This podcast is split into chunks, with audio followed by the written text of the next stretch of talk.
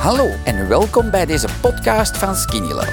Ik ben Alain Indria en in deze rubriek hoor je de getuigenissen van andere Skinny Lovers die, net zoals mij, eindelijk een gezond gewicht bereikten dankzij Skinny Love. Een goede maand geleden heb ik van Alain de Beauty Booster mogen uitproberen.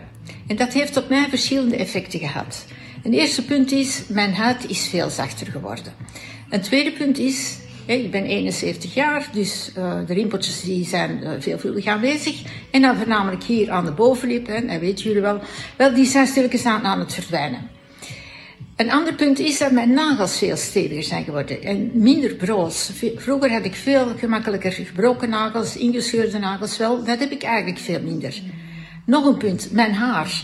Ik heb veel minder haaruitval en het volume van mijn haar is ook dikker geworden. Dus Greet is heel content daarmee.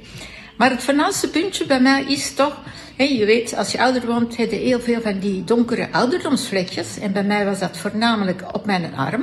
Ik ga proberen om dat aan jullie te laten zien. Ik weet niet of dat, dat gaat lukken. Wel, die zijn bij mij allemaal aan het vervagen en aan het weggaan. En ik neem uh, de Beauty Booster, neem ik gewoon twee schepjes morgens in de ochtend en twee schepjes in de namiddag. Dus bij mij werkt dat allemaal perfect. Dus Greet en Beauty Booster, dat gaat perfect samen. Dankzij dit verhaal heb je ongetwijfeld zelf ook de motivatie gevonden om van start te gaan. Ik wens jou heel veel succes!